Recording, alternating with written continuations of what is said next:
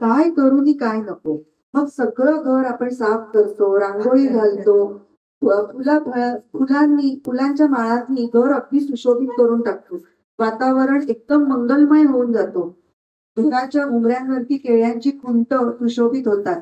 तुपाच्या वासाने तर घर प्रसन्न करून सोडतं. मागे मंद अशी सनई चालू असते. घरातील अगदी निर्जीव वस्तू सुद्धा आपल्याला त्या क्षणी सजीव वाटावी लागते.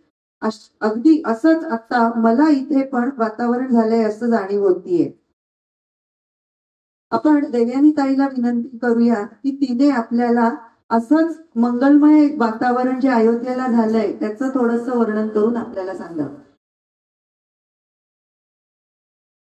धन्यवाद. पुणे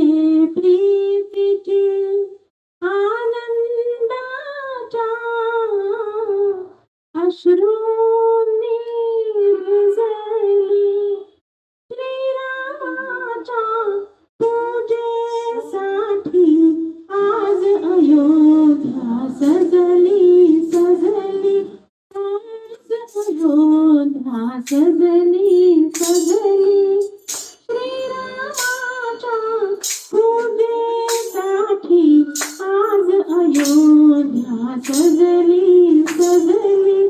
आज अयोध्या सजली.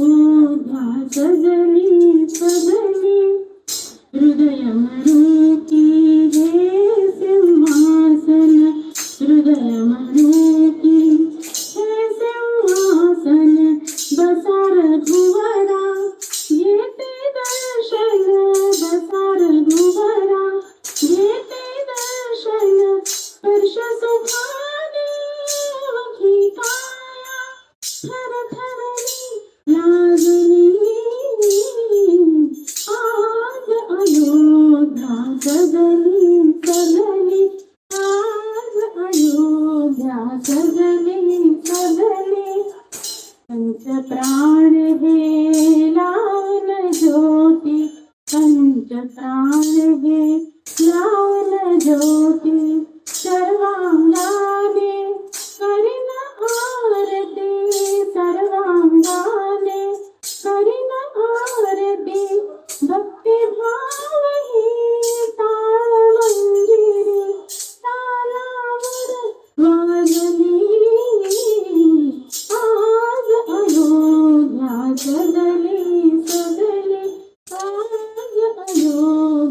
अयोध्या